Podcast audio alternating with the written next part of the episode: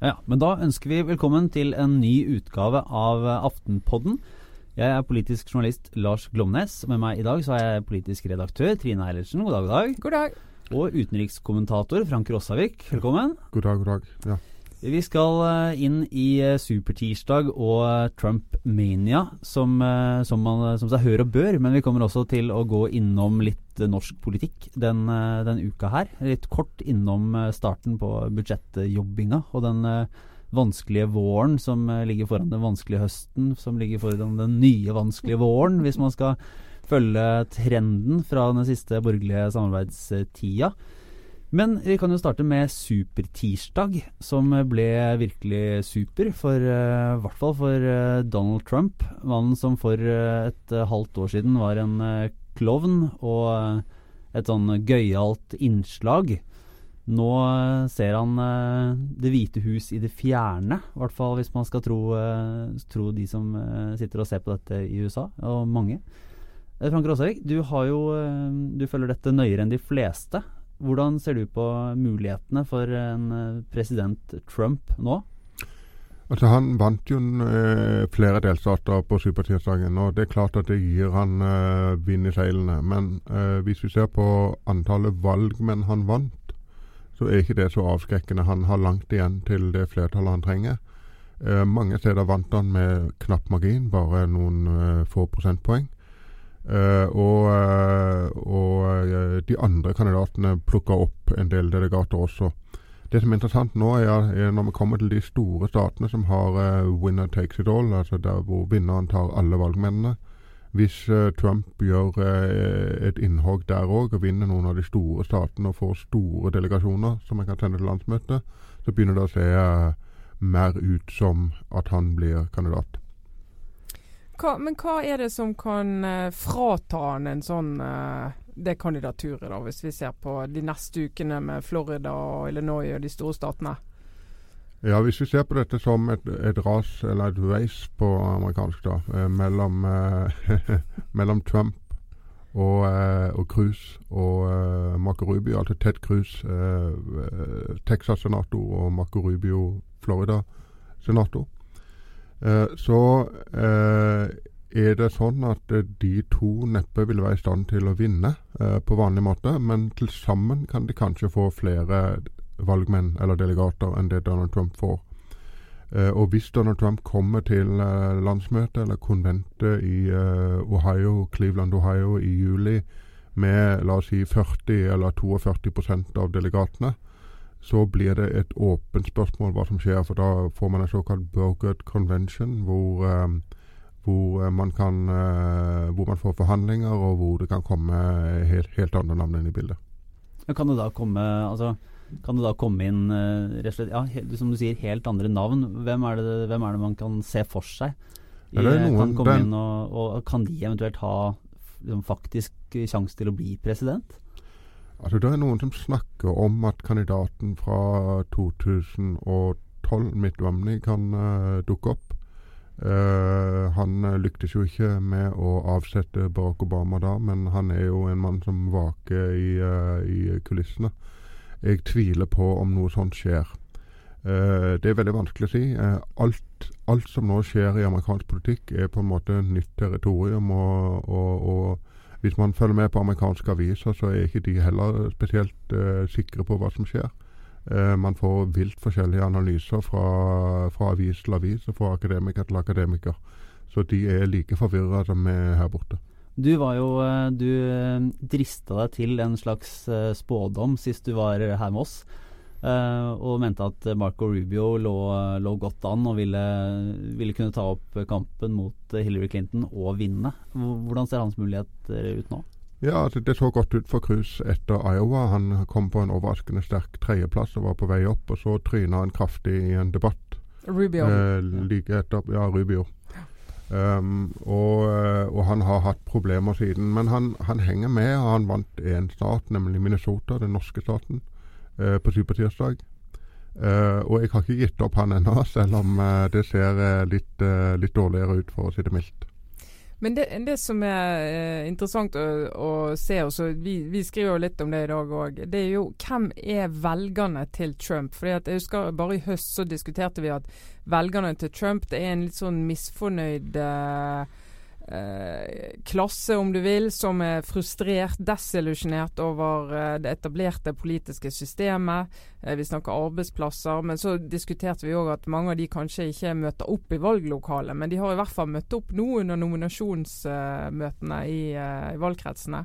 Men hvordan skal vi forklare oppslutningen rundt Trump? At det er ikke egentlig så veldig vanskelig. Eh, se på Frp-velgerne i Norge. Se på eh, høyreorienterte, høyrevridde velgere rundt omkring i Europa. Folk som er frustrerte over, eh, over globaliseringen, frustrerte over at de mister kontrollen over sitt eget liv. Eh, frustrerte over at jobber forsvinner til eh, lavkostland. Uh, frustrerte over en kulturelite som de føler uh, driver både landet og, uh, og, den offentlige samtalen uten at de får være med på den. Alt dette er elementer som, som vi kjenner godt fra Europa, og som er en del av det bildet som kan forklare Donald Trump.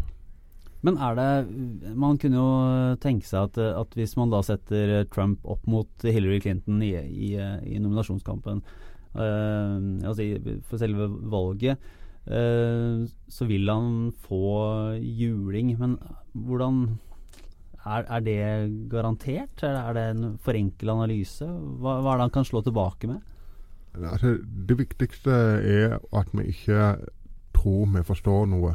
Sant? Vi er inne i et, uh, i et, felt, i en utvikling som det er umulig å si noe særlig sikkert om. Det er ingen som kan si med noe, noen tyngde hva som vil skje i et, i et direkte konfrontasjon mellom Clinton og Trump. Det er en situasjon vi aldri har vært i før, ikke noe som ligner engang. Uh, Hillary Clinton er jo en kandidat som er sterk på noen måter og svak på andre måter. og Hennes største svakhet er at hun er så til de grader en representant for eliten. Uh, tidligere senator i New York, tidligere presidentfrue og utenriksminister i Washington. Eh, med sterke bånd til Wall Street, og en litt sånn elitistisk, ikke spesielt folkelig framtoning. Eh, som gjør at hun, eh, hun vil være en, eh, et godt mål for angrepene fra Donald Trump. Om det betyr at han vinner, det tviler jeg på. Men, men eh, så mye rart som skjer nå, så er jeg på ingen måte sikker. Og så har jo du eh, skissert at eh, skulle han da vinne, så er det amerikanske systemet kanskje det av de demokratiene vi kjenner som har det sterkeste checks and balances. Eh, virkemidlet da, som gjør at uh, det er grenser for hvor galt det kan gå. Ja, det er en fordel i dette tilfellet at man har et konserverende system. en sterk maktdeling mellom, mellom de forskjellige statsmaktene på føderalt nivå og en maktdeling mellom føderalt nivå og delstatsnivå. Eh, det, det, betyr at det er i utgangspunktet en del ganske klare grenser for hva Donald Trump kan gjøre uten f.eks. støtte fra Kongressen. Med ett viktig unntak, nemlig eh, han har store fullmakter til å gå til krig. Eh, og eh, min største bekymring med Trump er jo at han i, med, med, sin velkjente spontanitet vil sette i gang litt bombing her og der uten å uten å eh, tenke godt nok gjennom det, og uten å konsultere andre. Det er vel det verste scenarioet.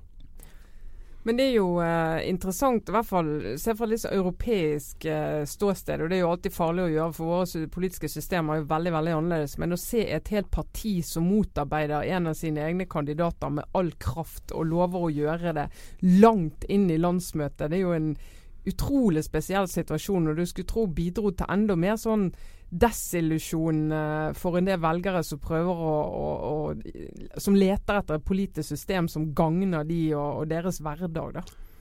Ja, og hvis man ser på, på, eh, på exit polls, på sånne bakgrunnsmeningsmålinger som ble gjort i forbindelse med supertirsdagen, så viser det seg at uh, de aller fleste republikanske velgerne var sinte. Og de som ikke var sinte, de var misfornøyde med den føderale regjeringen. Men ikke bare det. Uh, svært mange av de også, eh, følte seg også sveket av sitt eget parti. Eh, og Det er jo et, eh, et, trekk ved de amerikanske konservative at de føler at republikanerne ikke er konservative nok, ikke er religiøse nok, ikke er tilstrekkelig forskjellige fra demokratene. Um, for oss europeere virker det fullstendig meningsløst, fordi vi, vi syns jo at republikanerne er mer enn spesielle nok. Men, men for mange amerikanere så er de altfor like demokratene. Suppe i sentrum der òg, altså.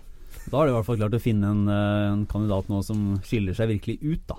Det er jo eh, Det skal jo godt gjøres å være mer annerledes uh, alt annet enn det Donald Trump er. Han, er en, en virkelig, uh, virkelig karakter.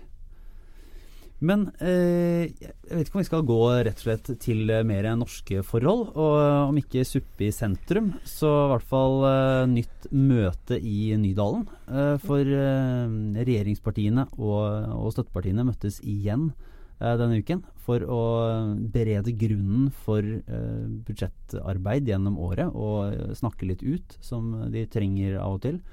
Eh, du skrev, skrev, du skrev en kommentar Trine, som nesten ingen leste det er nesten ingen som har lest den, eh, så derfor så tenkte jeg skulle snakke om den her. Ja.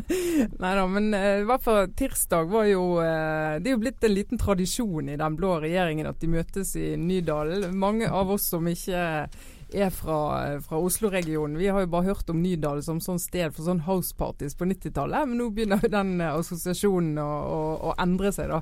Nå er det blitt et sånn uh, hva skal jeg si, familierådgivningskontor. For, Modum eh, Bad for, uh, for, for stressa politikere. Det blå-blå regjeringsprosjektet. Så de har jo etter det første statsbudsjettets store drama og hyl og skrik hele den første høsten, så ble de jo enige om å møtes da i Nydal eller et eller annet sted før regjeringen går i gang med sin første budsjettkonferanse for å bli litt enige om eh, hovedutfordringer og hovedtrekk. Så de, møtte, de fire partilederne møttes i Nydalen.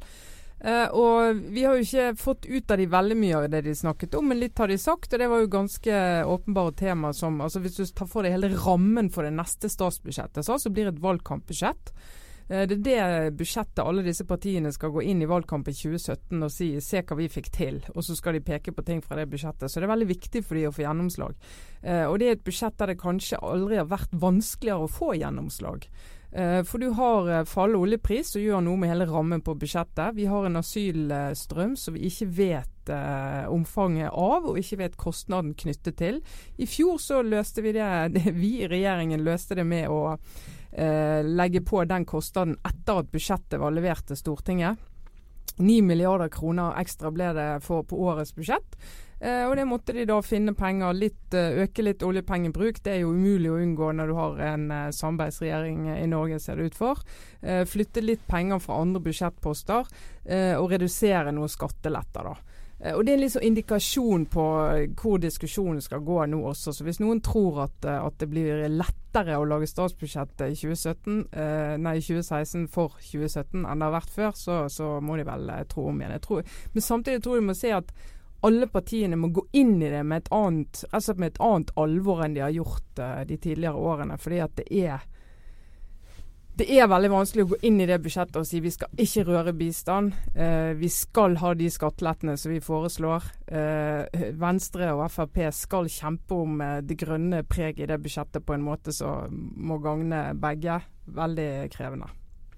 Det som, er, det som uh, er slående for folk som observerer den norske regjeringen, det er jo nettopp det som Trine nevnte, dette hyl og skriket som har vært mellom de fire samarbeidende partiene. Eh, til tider har det vært direkte eksotisk hvordan eh, motsetningene har vært, og hvor, eh, hvor, hvor totalt improvisert alt virker. Og det jeg lurer på er jo er, Har Erna Solberg nå gjort noe, eller har andre gjort noe for at det skal bli litt mer verdighet over denne mm. prosessen denne gangen? med dette statsbudsjettet? Ja, altså, eh, de, de, prøver jo det nå, og de prøvde det i, i fjor. Eh, og Erfaringene fra det første vanskelige budsjettet var jo at vi må bl.a. snakke om avgiftene. For det er en type sånn kranglesak mellom eh, Frp og særlig Venstre som gjør at ting kan gå helt uh, over styr. Uh, og så har de jo en skattereform som ligger der og vaker, så de ikke har landet. Så de drar med seg sånn som det ser nå inn i budsjettet, som kommer til å gjøre det ganske vanskelig. Eh, men det jeg tror, altså noe av det de snakker om, hvis du snakker med folk i alle partiene egentlig, så de er veldig opptatt av, det er å vise at ok, den diskusjonen om budsjettet og de sakene, og ikke minst asyl, som er en utrolig vanskelig sak for dem, eh, må ikke overskygge at vi er enige om omtrent alle de store reformene, eh, som er veldig viktige for Erna Solberg og, og den blå regjeringen. Eh, og for mange av de store omstillingsgrepene. Da. Men det er klart at nettopp det bråket de imellom på budsjettene og asylsaken, er jo det som skygger for nettopp den enigheten som, eh, som de er så opptatt av å, å fortelle om. Altså Man får jo inntrykk av at eh, Kristelig Folkeparti allerede har gått over til Arbeiderpartiet, eller det bare er en sånn uh, formalitet. Hvordan, hvordan ligger det egentlig an? Det, det, kommer jo veldig an på hvem du spør og på hva nivå du spør. På landsmøtene, alle landsmøtene til Kristelig Folkeparti så går det en god, god uh, gruppe mennesker opp på talerstolen og argumenterer for å skifte side, og det tror jeg alltid de kommer til å gjøre. Uh, men uh, hvordan det blir frem mot valget, altså landsmøtet i 2017, så tror jeg hypotesen er at KrF sier at vi ønsker Vi vil ikke støtte en regjering med Frp. Vi går ikke til valg og støtter en regjering med Frp eh, men de vil ikke gå ut og si at de støtter en eh, regjering med Arbeiderpartiet heller. Så Drømmen til Knut Arild Hareide er å være et genuint sentrumsparti som dagen etter valget har en mulighet til å se hvem vil vi samarbeide med. Det er jo den eh, så fikk de seg i og for seg en liten eh, ekstra test nå i dag, eh, torsdag da, de, altså da, da, Frp, Høyre og Venstre la fram sin uh, store plan for Sykehus-Norge. Uh, men uh, KrF gikk ut og sa at dette var uforsvarlig, og, og ja. de har sittet i forhandlinger, men ikke klart å være med. da. Ja. og det er jo denne akuttkirurgi, kan nesten kalle det akuttkirurgiplanen. For det er jo nesten det eneste delen av det som vi har diskutert i debatter, og der de som er enige. og der, Det er nok der Arbeiderpartiet ligger også, som da foreløpig ikke er med, men som jo er enig i store trekk av dette. Eh, vil si at eh, det foretakene må bestemme hvor akuttkirurgi skal være innenfor deres helseregion. Eh, mens KrF ønsker jo at Stortinget skal garantere for den funksjonen på en del sykehus. Så det er en sånn uenighet om hvor den beslutningen skal tas, bl.a. Der er det nok en, nok en fight da, mellom samarbeidspartiene, men Uh, spørsmålet blir om KrF kommer noe nærmere Arbeiderpartiet av den grunn. Uh, hvis Arbeiderpartiet ikke klarer å stille seg helt i opposisjon til det forslaget som kommer. Det er, vel, det er i hvert fall ganske mange i Arbeiderpartiet som mener at, at, en sånn reform og en plan som differensierer mer mellom de ulike sykehusene, er helt nødvendig. Og da, sånn sett så er det ikke sikkert at KrF tjener noe samarbeidsmessig på å stille seg utafor. Nei, og så er jo KrF har jo vært mot eh, foretaksreformen, sykehusreformen, helt fra starten, som mange måter var Arbeiderpartiet sin reform. Eh, og Arbeiderpartiet har jo eh, argumentert for, og med rette mener jeg, for at den har vært ganske vellykket. Den foretaksreformen. Så KrF ønsket jo egentlig at fylkene skulle beholde eierskapet til sykehusene. Så de har en helt annen inngang på sykehuspolitikken enn Arbeiderpartiet. Så det er, jo, det er i hvert fall ikke der det er lettest for de å finne sammen. da. Eh, vi har, vel, vi har, vel, eh, egentlig bestemt oss for å ta Det er en litt kortere podkast denne uken enn forrige, for da, da rant det litt på. Eh, men vi fortsetter nå med andre utgave av vår påbegynte spalte. vi har jo lovet å følge opp de spaltene vi ja, ja, vi, har, nå. vi har garantert at dette skal være med hver uke. rett og slett. Vi har vel ikke helt gitt den et ordentlig navn, men en slags helgesnakk. Altså hvilke temaer vi vil ta med oss inn i eh, selskapslivet eh, denne helgen og den eh, gode samtalen. Eh, og der, Dette har jo du gått og tenkt på hele uka, Trine? Jeg har tenkt på hele uka. Tenk på det i flere måneder, helt siden jeg eh, fikk vite at eh, House of Cards sesong fire blir sluppet i morgen, fredag 4. mars. Så vet jeg i hvert fall jeg skal ikke noe middagsbesøk i helgen. Jeg skal, jeg skal se TV i helgen og se hvordan det går med Claire Underwood og Frances Underwood, de to flotte menneskene vi har lært å følge for amerikansk politikk. Eh, det er, jo, eh, det er jo interessant at du eh, etterlyser tema for den gode samtalen. Donald Trump må jo være et opplagt emne da. Jeg, skal også se på House of Cards, og det viser seg jo at Francis Underwood er jo ikke på noen ting å regne mot de egentlige kandidatene vi nå, vi, vi nå, ser. En Donald Trump eller en Ted Cruz i Det hvite hus vil jo få Francis Underwood til å framstå som en Odd nærmest. ja, det, er, det, må vel, det må vel noen sitte en eller annen sånn manusforfatter og, og, tenke at uh, dette kunne vi strukket lenger. Uh, her, her, var det mulighet til å dra på enda mer, for virkeligheten har innhentet dem. Og, Og det ser, eh, ser annerledes ut. Men da blir det ikke noe, det blir ikke noe uh, samtale denne helgen på deg, Du får ta det, ta det, videre, men du kommer godt skodd inn i neste uke. Ja. Jeg kan jo da løfte en, en liten anbefaling som også går innenfor det store temaet amerikansk politikk. jeg har lest nå i Nå begynner det å bli en stund siden, men jeg har tenkt en del på det. Det er den store biografien av J. Edgar Hoover, som var FBI-sjef i flere tiår. Uh, meget kontroversiell figur. Og uh, Anthony Summers har skrevet en, uh, en biografi som er Som gjennomgår mye av, av, dette og gjør at uh, jeg tenker det er ikke så rart at en karakter som Donald Trump får mye gjennomslag, og at politikerforakten står såpass sterkt i USA. Eh, for man skal ikke gå mange tiår tilbake før eh, mange politikere, skal være forsiktig med å si de fleste, var eh, skurker av et eller annet slag. Og i denne, i denne biografien så går du også gjennom ikke bare Nixon og de vi på en måte visste var skurker, mer objektivt sett, men også hvor mye svineri og og juks som, som foregikk også blant presidenter man har tenkt på som som på de gode. Så er et, Den er omtrent uh, eh, 800 sider lang og et virkelig, virkelig murstein. Men den kan anbefales for de som har god tid og har lyst til å sette seg litt inn i, i bakgrunnen for en del av de konfliktene som fortsatt egentlig pågår. Blir neste helg og etter House of Cards. Ja. ja, hvis du tar tolv episoder av House of Cards først, og så tar du 800 sider om J. Edgar Hoover, så går man inn i, i neste uke godt, godt forberedt, vil jeg tenke. Uh, med det så avslutter vi denne ukens uh, podkast. Uh, takk til deg, Trine Eilertsen, Frank Rossavik. Jeg, Lars Glomnes. Ha det bra.